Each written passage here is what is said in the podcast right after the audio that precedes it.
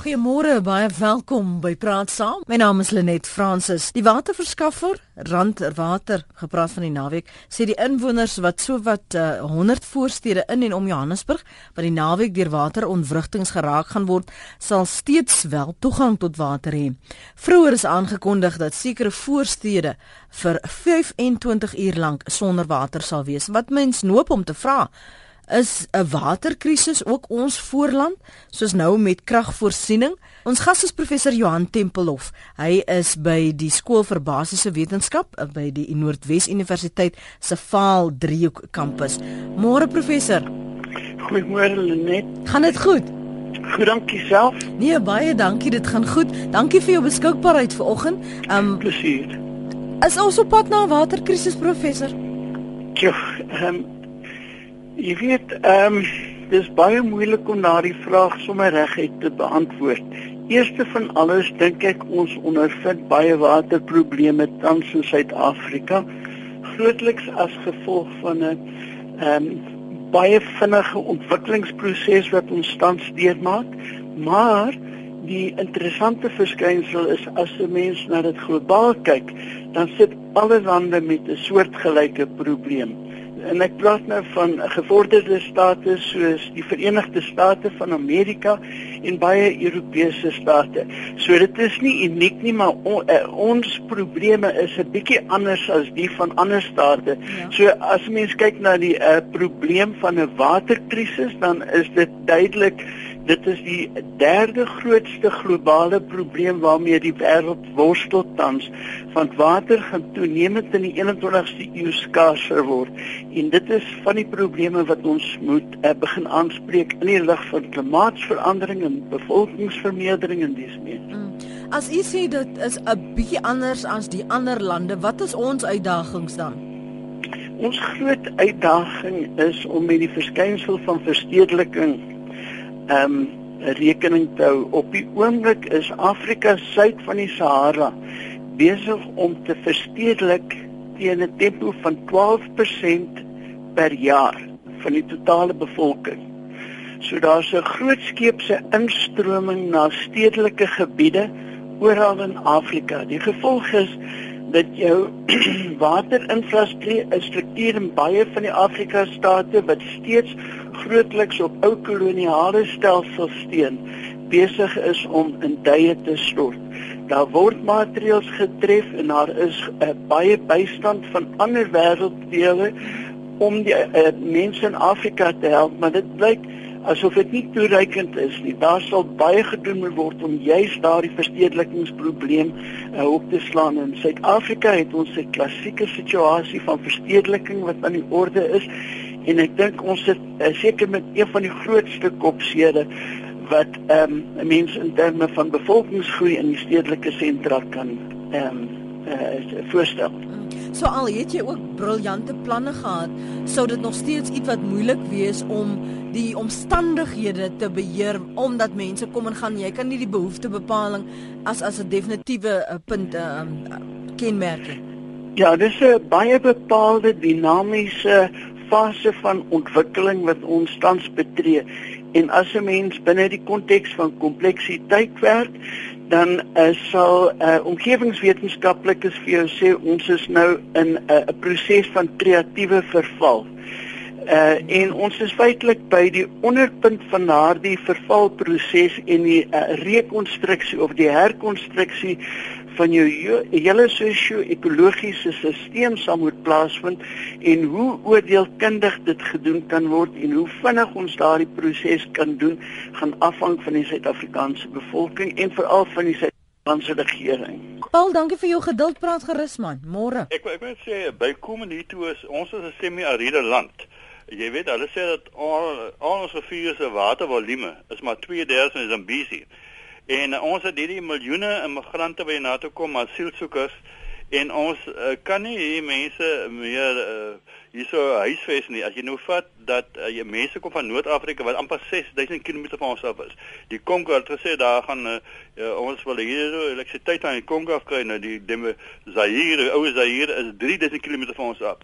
Met ander woorde ons kan nie uh, toelaat dat mense onbepaald na ons toe kom terwyl ons nie water het. Jy weet, ek het 'n uh, paar jaar terug al was daar verslag gewees dat in 19 uh, 2030, dis nou 16 jaar hiervan af, gaan ons begin 'n ernstige probleme kry. En dan in 2050, indien ons nou nie nou begin 'n uh, planne maak nie, gaan die mense hulle krane wil opdraai en dan gaan nie water wees. So ek dink, jy weet, die krag is 'n uh, baie slegte storie vir so 'n oomblik, maar water gaan nog vir ons 'n groot probleem wees. So ek dink die regering moet definitief aandag in hierdie storie gee. Baie dankie Lenet. Goed, dankie Paul. Wat sê jy daarvan, professor? En ja, ek ek dink dat daar wel maatreëls getref word deur die regering en veral in die konteks van SADC deel te neem aan gemeenskaplike aksies en ek weet byvoorbeeld baie van jou ehm um, streekswaterdienste soos Randwater en Kennywater en die plekke is aktief betrokke in wateraksies om bystand te lewer met die ontwikkeling van ehm um, dienste uh beter dienste in lande soos Mosambiek um, en uh, Zimbabwe uh, en uh, Botswana uh en maar die interessante uh, interessante verskynsel is dat die staat soos uh, Botswana en staat soos Namibië wat albei minder water tot hulle beskikking het tans besig is om dit beter te bestuur as ons. Mm. En dit is uh, wat uh, waar die rooi ligte begin flikker. Het ons tot op hede goed genoeg beplan professor? Want jy um, Paul het ook verwys na infrastruktuur en die instandhouding ja. want dis ook die instandhouding is ook van die probleme wat Eskom byvoorbeeld ervaar. Ja, en moet onthou uh, uh, ons kom era wat uh, in die laat 50er jare begin het en ek sou sê aan die begin van 90 van die 90er jare ten einde geloop het. Dit was 'n baie sterk deterministiese fase van ontwikkeling Suid-Afrika was onder die tip, uh, to, top 5 watervoorsieners ter wêreld. Uh, ons het ons uh, water op 'n baie voorbeeldige manier bestuur ondanks die uh, die sanksies wat teen Suid-Afrika was, het ons van die beste waterwetenskaplikes gehad. En in die geval van um, Eskom praat ons van een van die grootste, mees omvangryke gesentraliseerde elektrisiteitsdienste ter wêreld wat baie doeltreffend gefunksioneer het in so 'n mate dat in die uh, 70er 80er jare begin het om diesel en stoomtreine heeltemal uit te faseer. En nou sit ons met 'n wesentlike tekort. So uh, wat gebeur het sedert die 90er jare is daar 'n globale verskywing mm -hmm. na nuwe tipes van uh, bestuurstelsels en dit is 'n groot mate van onsekerheid wat daaraan gekoppel word. Jy kan nie so maklik projekteer soos in die verlede nie. Want jy sit met een groot probleem en dit is die van uh, klimaatsverandering. Ja. Dit is 'n baie dinamiese faktor en ook die hele kwessie energie, uh, energieverbruik is besig om 'n totaal ander gestalte aan te neem. Uh byvoorbeeld rondom steenkool, ons is aangewese op 'n uh, um, steenkool vir energie uh, en ons is nou besig om stadig aan weg te beweeg. Dit lyk asof ons uh die hoogtepunt van fossiel brandstof wêreldwyd begin bereik. Uh, ook op die terrein van steenkool so ons met hernubare bronne daarso uh, vind. So op die terrein van energie is daar probleme wat aangespreek kan word. In ons geval beteken dit dat ons word toenemend meer on, uh, meer afhanklik van 'n 'n bierstaat soos Lesotho vir meer water na Suid-Afrika om die ekonomie hier aan te dryf. Mm. En dit is nie altyd die beste opsie nie want ons kyk nie behoorlik na oordeelkundige bestuursprosesse nie en dit is nie altyd in plek nie. Kom ons hoor wat ons luisteraars te sê het. Marilee, môre. Praat gerus saam. Marilee, is jy daar? Hallo Marilee, is jy daar? Kan jy my hoor? Ek sal ja, moet laat gaan Jody. Ehm um, ek kan nie aanhou nie. Ons praat gerus nou. Waar is Helen dink ek? Helen, praat saam. Môre. Môre. Ehm um, ja, Helen hier. Ek wil net my groot bekommernis is oor al die mynboubedrywighede in veral in Mpumalanga waar soveel van ons water vandaan kom, soos byvoorbeeld hierdie nuwe aansoek vir 'n vir 'n myn reg op die op die Kruger Wildtuin se grens waar die Olifantsrivier um nadelig beïnvloed. Nou wat maak 'n mens as die as die departement van mynwese en die departement van water blykbaar reg te mekaar werk? Ja. Ja, ek onthou dit uh, ons het 'n dokumentêr gehoor een of ander tyd op fokus juis oor die feit dat daar nie konsultasie en samewerking met hulle is nie. Die een sal byvoorbeeld 'n lisensie goedkeur dan kom jy agter maar daar is nie water toevoer nie of dit gaan die gemeenskap so raak dat dit die water toevoer in in um, 'n probleem gaan wees. So ek, ek ja. verstaan ook nie hoe daar gedink word nie, maar ek dink professor sal byvoorbeeld vir ons meer kan inlig daaroor. Dankie Helen. Professor, dit is dis die die teenstrydigheid. Want aan die een kant sê ons ons wil vooruitgang hê en dan word dan myn lisensies toegeken, maar nie met die nodige erkenning of konsultasie met die departement van waterwese byvoorbeeld nie. Ja, ehm um, ons sit hier die fiksasie dat ons uit mynbou die land vooruit sal laat gaan. Ehm um, en ek dink die, die regering sal baie noukeurig en baie meer sorgvuldig moet beplan rondom mynbou in die voorsienbare toekoms. Die nasionale ontwikkelingsplan maak voorsiening vir omvangryke mynbouaktiwiteite, maar dit is soos die ehm um, luisteraar daar gesê het, dit is ongekoördineer. Ehm um, die kwessie van die ehm um, uh, mynbou teen aan die Kreerswiltuin is maar net een voorbeeld. Ons sit hier in die Vaaldriehoek met ehm um, 'n steenkoolmyn uh, wat waarvoor daar nou 'n uh, aansoek gedoen word aan die ander kant van waar 'n reuse steenkoolmyn is. Intussen deur hierdie twee mynbedrywighede sal daar nou die Vaalrivier beraad deurkom. So dit is die Vaalrivier wat vir mense van ehm um, kom ons sê die Vaaldam tot onder by uh, Alexanderbaai mm. water moet voorsien. Dit gaan reg deur die die hele Vaalrivierstelsel deur die Oranje rivier tot by die Atlantiese Oseaan en dan beteken dit dan dat vanaf ehm um, die Vaaldam sal ons nou lekker suur my 'n steenkoolmyn water kry wat deurvloei in Mpumalanga het ons met 'n wesentlike krisis daar is soveel prospekteerregte dat die nie net die boerdery nie, maar die hele waterstelsel wat die die die Vaaldam tradisioneel gevoer het, nou in die gedrang kom. Ons kan nou nog gesels oor die kwaliteit van ons water en ook waar ons hierdie uiterste krisis uh, waterkrisisse het uh, benewens nou die feit dat ons nou gehoor het hier in Gauteng um, hierdie naweek gaan daar nou verminderde water toevoer wees. Mohammed môre? Môre net, hoe gaan dit met jou? Goed en jy? Kan nie kla nie, man, dis nou die eerste keer in die nuwe jaar wat ek nou hier kom na jou. Nou baie welkom. Ai, nee, ek sê um, nou het ek behalwe nou die uh, program baie geluk vir die kleintjie ook man. Baie dankie man. Luister man, ek die die die probleem wat ek het man, um, ek het eendag het ek gesit op die, op DStv toe kyk ek na 'n program presies in Amerika sekere state in Amerika het dieselfde dinge begin so met die water, presies soos dit hier.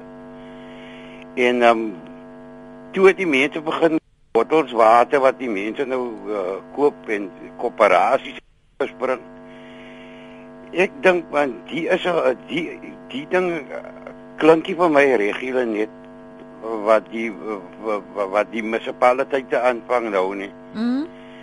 Ehm um, mense het begin te water uit, uit uit die putte uithaal in Amerika toe sien ek en toe het hulle daai watersuiwerings vir toestelle um, uh, aan die uh, aangebring. Mm. en hulle het begin bottels water het hulle begin te maak en, en aan die mense verkoop.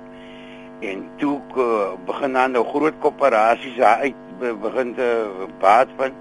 Amper soos soos soos eers kom nou met die met die munisipaliteite se se kragstasies weer weggehaal het soos die lotery jy mag hier uh, nou 'n uh, 'n uh, speletjie aanbring jy gaan nou presies dieselfde ding uitwikkel net dink jy so dat dit 'n manipulering gaan wees?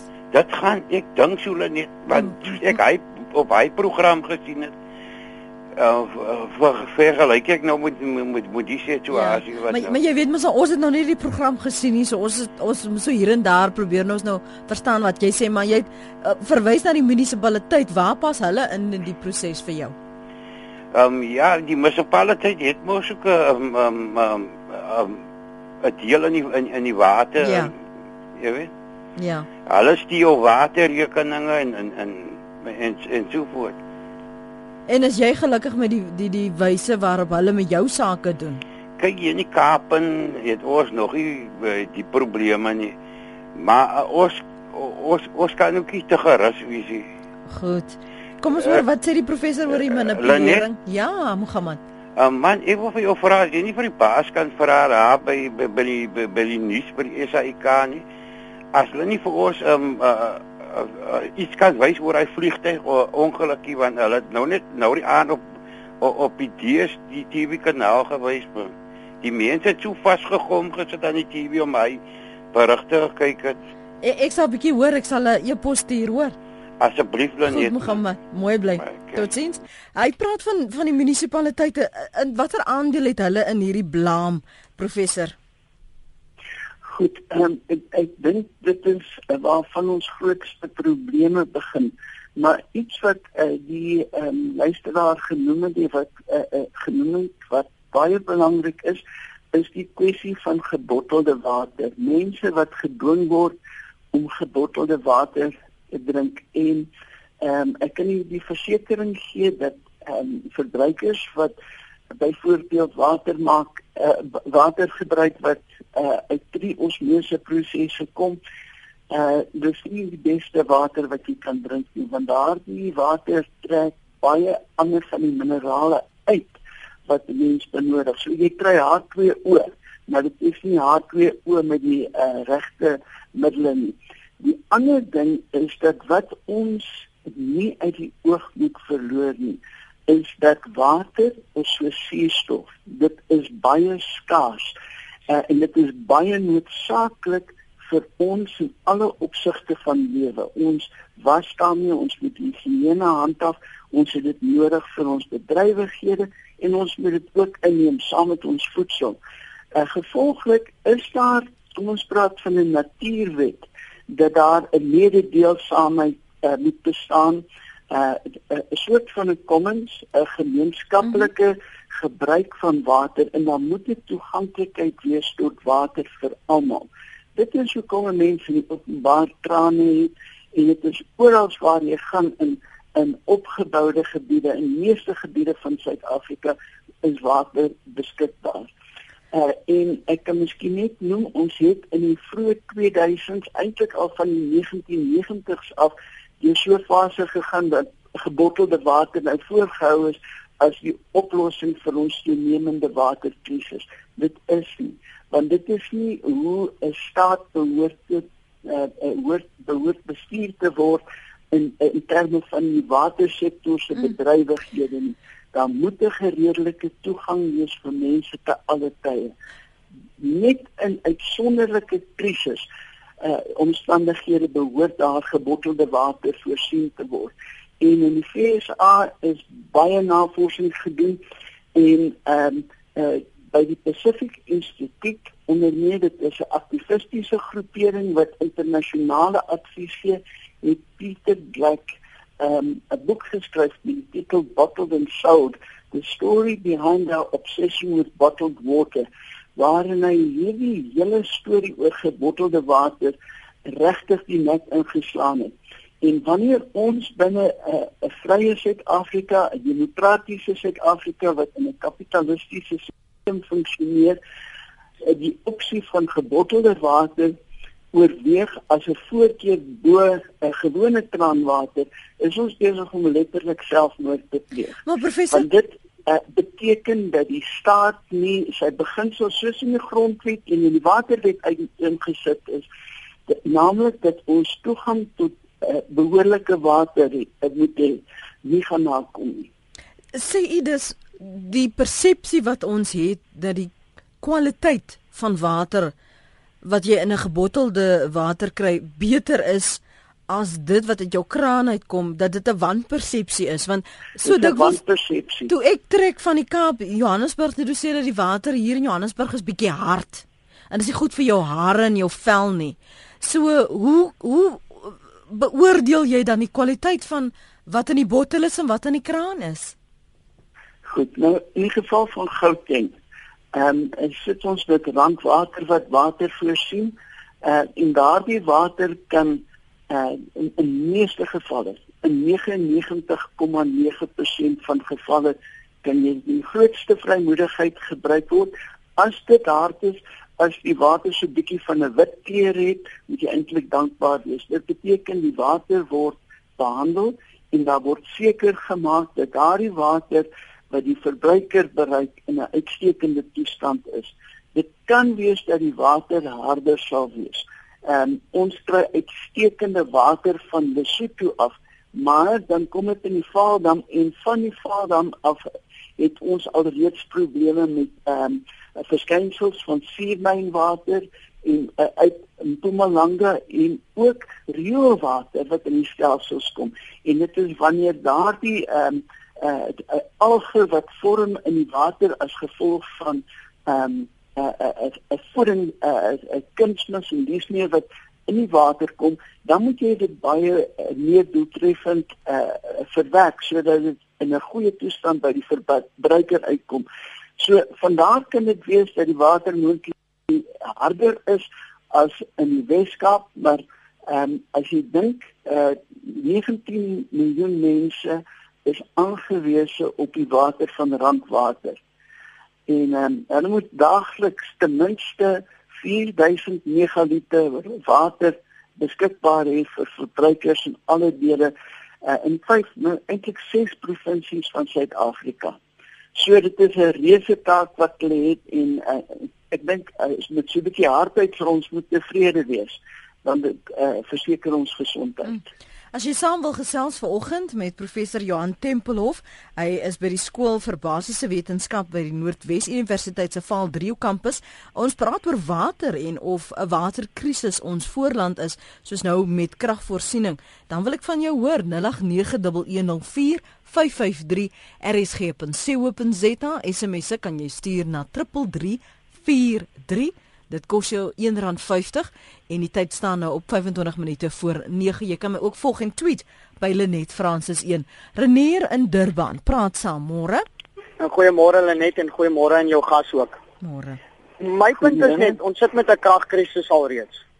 Maar die vraag is wat kan jy doen sonder krag en wat kan jy doen sonder water? Sonder krag kan jy nog voortgaan. Jy kan nog 'n gasstoofie gebruik om kos te maak. Jy kan 'n gaslampie gebruik. Jy kan 'n kers aansteek vir lig. Maar wat maak jy sonder water? Sonder water kan jy nie 'n brood sonder water kan jy nie jou kos gaar maak nie. Sonder water kan jy nie jouself reinig nie. Um ek dink net dood eenvoudig om om meer water lokale oop te maak om om om waterstoring plekke waar jy water kan stoor. Uh um kan dit nie 'n uh, logiese effek hê op uh, op 'n krisis wat dalk kan volg nie. Is is om water spaarsamer, meer spaarsamiger te gebruik want ek meen sonder water kan jy absoluut niks doen nie. So jy sê wat is ons voorland? Ons moet maar wag en bid. Uh, gaan gaan gaan sit net en kyk na die kragkrisis wat ons het en gaan kyk na wat kan gebeur met water. Hmm. Hoe baie mense mors water? Ek meen byvoorbeeld waar om jou tuin nat te spuit. Ja. Hoekom hoekom moet jy spesifiek die tuin die kraan gaan oopmaak om jou tuin nat te spuit? Gebruik jou badwater. Ja las 'n pyp aan jou aan jou uitlaatstelsel as jy jou gras wil nat maak of jou tuin, gebruik daai water. Water is verskriklik verskriklik belangrik in ons lewe vandag. Want sonder water kan jy niks doen. Goed, jy kan nie eers dood eenvoudig 'n brood bak, 'n brood want alles wat jy gebruik het water in. Brood het water in. 'n ja. 'n 'n melk, daar's 'n sekere persentasie 'n uh, uh, water binne in melk. As 'n koe nie daai water kan drink en saam met sy gras nie want daai water word gebruik om die, om die, vir die, vir die koeie om daai melk te kan vervaardig. Ja, ons hoor jou. Dankie Renier Teens. Jy hou vir my nou ook al rukkie aan praat gerus saam. Goeiemôre Martelies en môre aan uh, jou professor. Môre. Ek wil net graag 'n punt maak en dit is dat ehm um, Ek wil graag hoor wat die professor te sê het van die Sterkfontein onderaardse meer. -hmm. Hy is hier in die Kreersdorp area en ek weet dat die regering hier in die vroeg 80's tydens daai erge droogte het hulle uh, vier staatsboorgate gesink op 'n uh, vriend van my se plaas net buite Kreersdorp. En daai boorgate het 18 duim voerings. Nou uh dit wys hom maar net vir jou dat dit buite ehm uh, uh, dit is baie groot vir vir uh in vergelyking met gewone privaat boorgate maar daai boorgate is nooit eers ontgin nie. So maar wat ek wel ook weet is dat die Sterkfontein ondergrondse meer omtrent 7 keer uh die hoeveelheid volume water het as die Vaalgang. So ek sou net graag wil hoor wat die professor van dit gesê het en uh hoe ver dit vir ons 'n uh, 'n uh, 'n uh, 'n noodsituasie sou kon oplos. Dankie hoor. Dankie Tiens. Hoe kan ons sou so ons ons ooit tot dit moet wen prof? Goed, ehm um, die grondwater is uh, definitief een van die oplossings wat die vir die uh, langtermyn in die vooruitsig gestel word, maar uh veral ehm um, in die omgewing van die Wesrand sit ons met die probleem van suurmynwater wat uh met 'n uh, 'n redelike hoë uh, Iran uh inhoud uh 'n besondere gevaar vir menslike gesondheid inhoud. En dit is een van die redes juis hoekom daardie ondergrondse water waarvan die uh, luisteraar praat nie um, noodwendig in hierdie stadium enigstens in berekening gebring word nie. Op ander plekke uh, word wel gekyk na grondwater en dit kan bepaal potensiaal inhou. Hmm. Maar um, as jy byvoorbeeld uh, dink aan die Kaapse vlakte, Mitchells Plain, daardie omgewing dit is waar van die mees fantastiese water van van die uh, Kaapse skiereiland uh, voorkom. Maar die probleem is die teenwoordigheid van mense wat veroorsaak dat uh, water deursyfer in hierdie onderaardse kelders en die moontlikheid oor die moontlikheid beskik om daardie waterbronne te kontamineer. In sekere gedeeltes van die Karoo is hulle nou besig om ou onderwaartse uh, onderaardse kelders te gebruik en die water daarin te stoor. Uh en sodoende voorkom verdamping en dit uh, spaar moeite om nou reservoirs te bou of die water in damme te stoor. So ek dink uh, daar is baie moontlikhede vir vir um, grondwater uh, om in die behoeftes van Suid-Afrika hierso van 2030 af te voorsien, maar op die kort termyn sal baie noukeurig gewerk moet word uh, om te bepaal presies waar dit moontlik is om water uh, doeltreffend en die regte soort water te kry. Daniel Roos skryf Mohammed is 100% reg, dieselfde monopolie as Eskom gaan ontstaan. Professor, is die water die hoe gesond is die water wat ons uh, drink indien ons wel 'n watersuiweraar in ons huise het? Goed, ehm um, eerste van alles is dit so dat sekere dele van die land daadwerklike behoefte het ehm um, vir private huishoudings om uh, water uh, self te suiwer intern. Ehm um, maar dit het baie nadelige nagevolge. Ehm um, in die geval van Parys um, in in die Nguati plaaslike munisipale owerheid in die Noord-Vrystaat waar ons navorsing doen, ehm um, hierdie praktyk bewys dat wat gebeur wanneer mense 'n suiweringsstelsel in huis het is ehm um, dat uh, dit vat meer water om daardie water te suiwer as wat die water wat jy uitkry. Byvoorbeeld, kom ons sê ehm um, vir elke liter water wat jy eh uh, kry uit die gesuiwerde stelsel, het jy waarskynlik 20 liter water in die stelsel ingepomp. So by implikasie beteken dit ons gebruik baie meer water as ons daardie ehm um, stelsels gebruik en dit is ondoeltreffend. Dit is 'n vermorsing van water en ook 'n vermorsing van energie. Maar ek kan aanvaar dat daar sekere dele in die land is waar mense wel eh uh, sulke suiwerings eh uh, uh, toestelle in hulle mm. huise wil aanhou. En jy koppel dit in orde maar dit uh, mense moet dit doen met uh ek jy moet net 'n dag daarop wees dat dit ook op vermorsing neerkom. Maar maar daai daai kleintjies wat jy sommer hier aan jou kraan kan koppel professor. Is, ja. Sal dit dieselfde doel dien? Is dit effektief? Ja, dis uh, dit, dit is miskien 'n 'n goeie oplossing uh, daar daar is goeie toestelle op die mark. En dit is miskien een strategie wat 'n mens kan gebruik.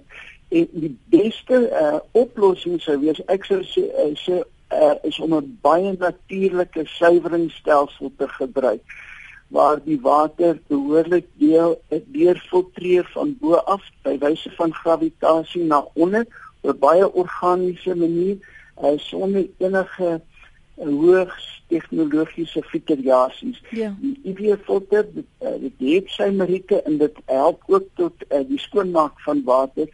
Um, en dit kan gebruik word waar dit nodig mag wees. Jaco en Sari, uh, hou vir ons aan. Jaco praat saam. Um goeiemôre. Uh, ek het nog familie in Zimbabwe. En in die goeie jare het hulle nooit voorsiening gemaak met tanks uh van hulle dakke af nie en nou is die water so onbetroubaar daar en dan sit hulle letterlik sonder 'n druppel water terwyl dit reën dan vang hulle nie die water op nie en nou met die ekonomie en die dinge is daar nie geld vir tanks nie en die goed moet ingevoer word en al daai dinge elke huis behoort ten minste 'n tank by een GT en dan wil ek sê 'n ander ding is hierdie rykmans huise daai mense daai eienaars dit maak nie vir hulle saak wat hulle waterrekening is nie. En hulle weet nie wat by die huis aangaan nie, maar dan ry jy in die straat en dan sien jy dat 'n werker in plaas van om die blare te vee, spuit tonne liters water um gebruik dit om die blare mee af te spuit in die straat in. Hmm. En daar moet uh, meer beheer daaroor ja. toegepas word. Hoor jy. Dankie Jaco. Uh Sari, dankie vir jou aanhou. Môre Lenet en uh, Prof Tempelhof.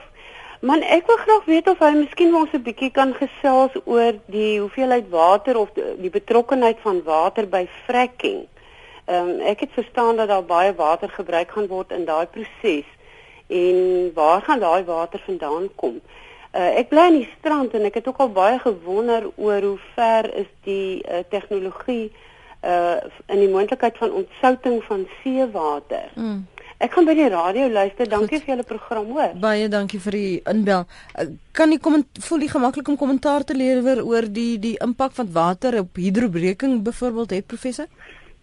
Ja, goed. En jy weet jy het allerlei strategieë om water in die Karoo te kry wat hulle nou kon sês kan gebruik vir hierdie hidrobreking. Eerste van alles Ehm um, dink ek dit is baie belangrik dat die regering baie noukeurig ingaan op ehm um, betroubare navorsing om vas te stel presies wat die implikasies van hidrobreking gaan wees. Eh uh, want ons kan nie bekostig dat 'n sensitiewe ekosisteem soos die van die Karoo ten uh, ten koste van die uh, behoefte aan fossielbrandstof ehm um, vernietig word.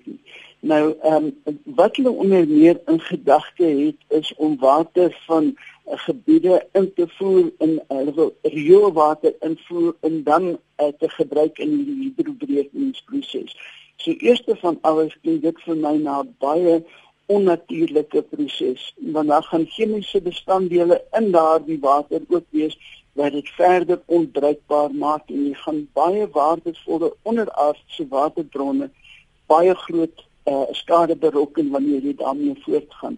Rondom die kwessie van soutwater of die, die ontsouting van water en um, van seewater, ek dink dit uh, kan byvoorbeeld in die kusgebiede werk. Dit kan funksioneel wees sodra ons meer ehm um, uh, koste-effektiewe uh, uh, elektrisiteit kan ontgin met volhoubare energie, dan uh, sal dit al hoe meer ehm um, bekostigbaar wees meer 'n uh, sinvolle strategie wees. Maar as mens kyk in die Midde-Ooste, uh die uh, die praktyk het bewys uh, ontsouting is 'n baie duur proses.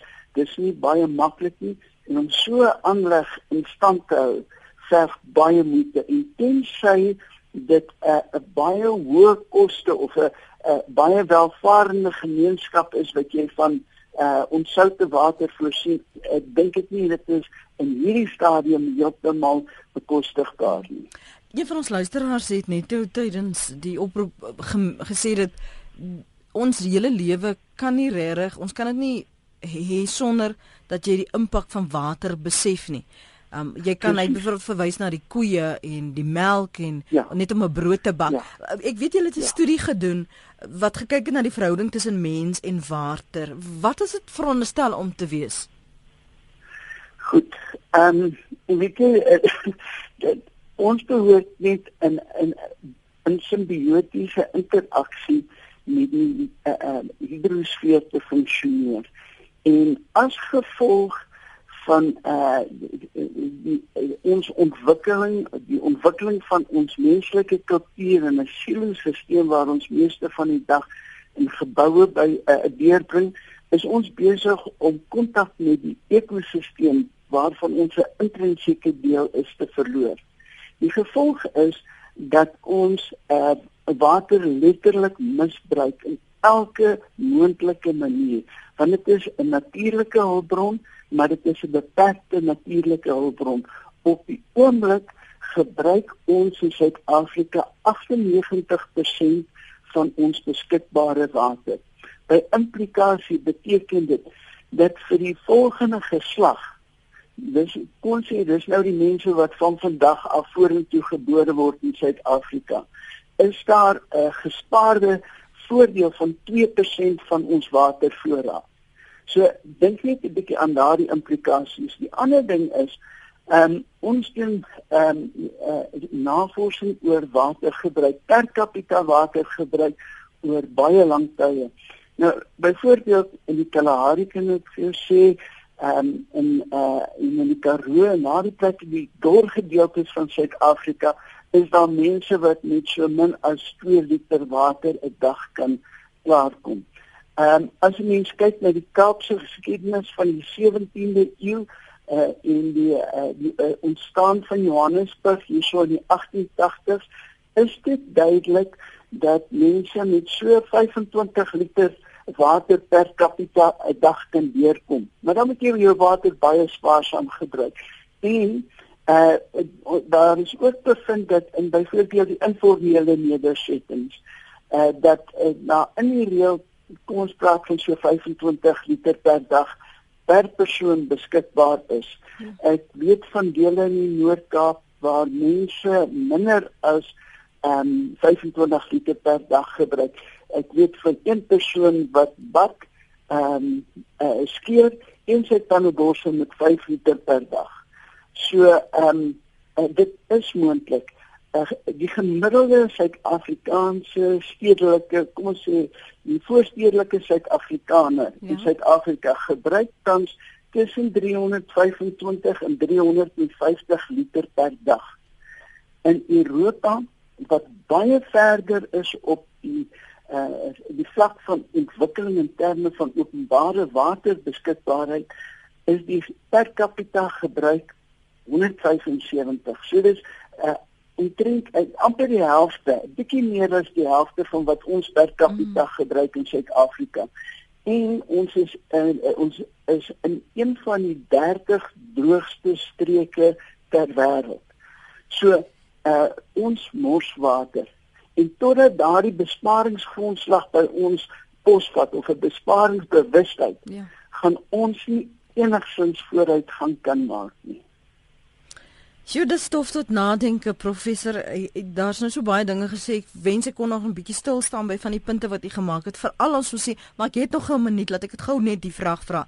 Daar is baie wat meen teen 2015 gaan Suid-Afrika 'n erge watertekort hê en en daar's vir 'n um, beroep dat ons al hoe meer moet kyk na inisiatiewe dat ons dit nie ons voorland is nie. Is daar eh, interim maatreëls wat ons kan toepas? Deel jy daardie skeptisisme? Ehm um, weet jy ek, ek dink ons is besig om 'n waterkrisis te gemoed te gaan voor 2020. Ehm um, voordat ons die bykomende fase 2 van die Lesotho hoogland waterskema gaan kry. randwater gaan op die oomblik gebuk onder baie groot probleme. Ehm um, en ons praat van ten minste 40% van Suid-Afrika se bevolking. Ehm um, ek dink uh, ja, dit is nie 'n uh, onoorkomlike uh, probleem nie, maar ons sal baie meer doeltreffende uh, watergebruik moet bevorder. En dit al die vingers wys in die rigting van 'n uh, plaaslike owerhede. Die bestuur van uh, munisipale water. Ehm um, dit is skokkend om te besef uh, te besef maar uh, so wat 35% van al die water wat in munisipale pype vloei gaan verloor. So dit beteken dit is water wat jy ten duurste skoon maak of van elders af uh, uh, inpomp en uh, 1/3 daarvan gaan uh, verlore. Mm. So dit is waar groot waterverliese ontstaan. Dis die een ding. Die ander ding is die gebrek aan doeltreffende bestuur van waterstelsels. En die derde ding is ons kyk na rioolwater op die verkeerde manier. Daar's baie voedingsstowwe wat onttrek kan word uit uh, riool en ons sal moet begin kyk na die herwinning van rioolwater en soos die geval in in Windhoek ehm um, in die 70er jare waar die mense begin het om rioolwater te suiwer, sal ons ook daaraan moet aandag gee in die afsienbare toekoms. In die FSA is dit alreeds 'n uitgemaakte saak dat uh, in die 21ste eeu gaan daar een sentrale watersuiweringstelsel wees wat so 4 of 5 verskillende grade van water voorsien en jy bestel bestel maandeliks watter soort water jy wil hê mm. en jy gaan natuurlik vir jou suiwerste drinkwater gaan 'n bietjie meer betaal as vir jou tuinwater en vir jou ander vleiswater wat jy benodig.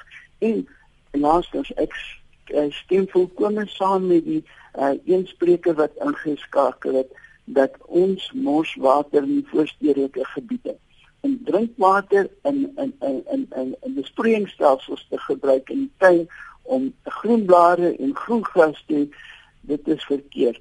Ehm um, dit is een faset, maar nog erger is die feit dat ons drinkwater gebruik om ons riole te spoel.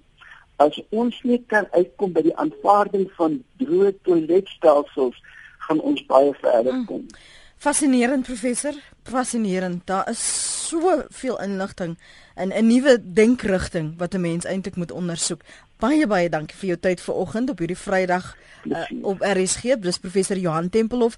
Hy's by die skool vir basiese wetenskap uh, by Noordwes Universiteit se Vaal Driehoek kampus. Hoop jy het 'n goeie naweek professor.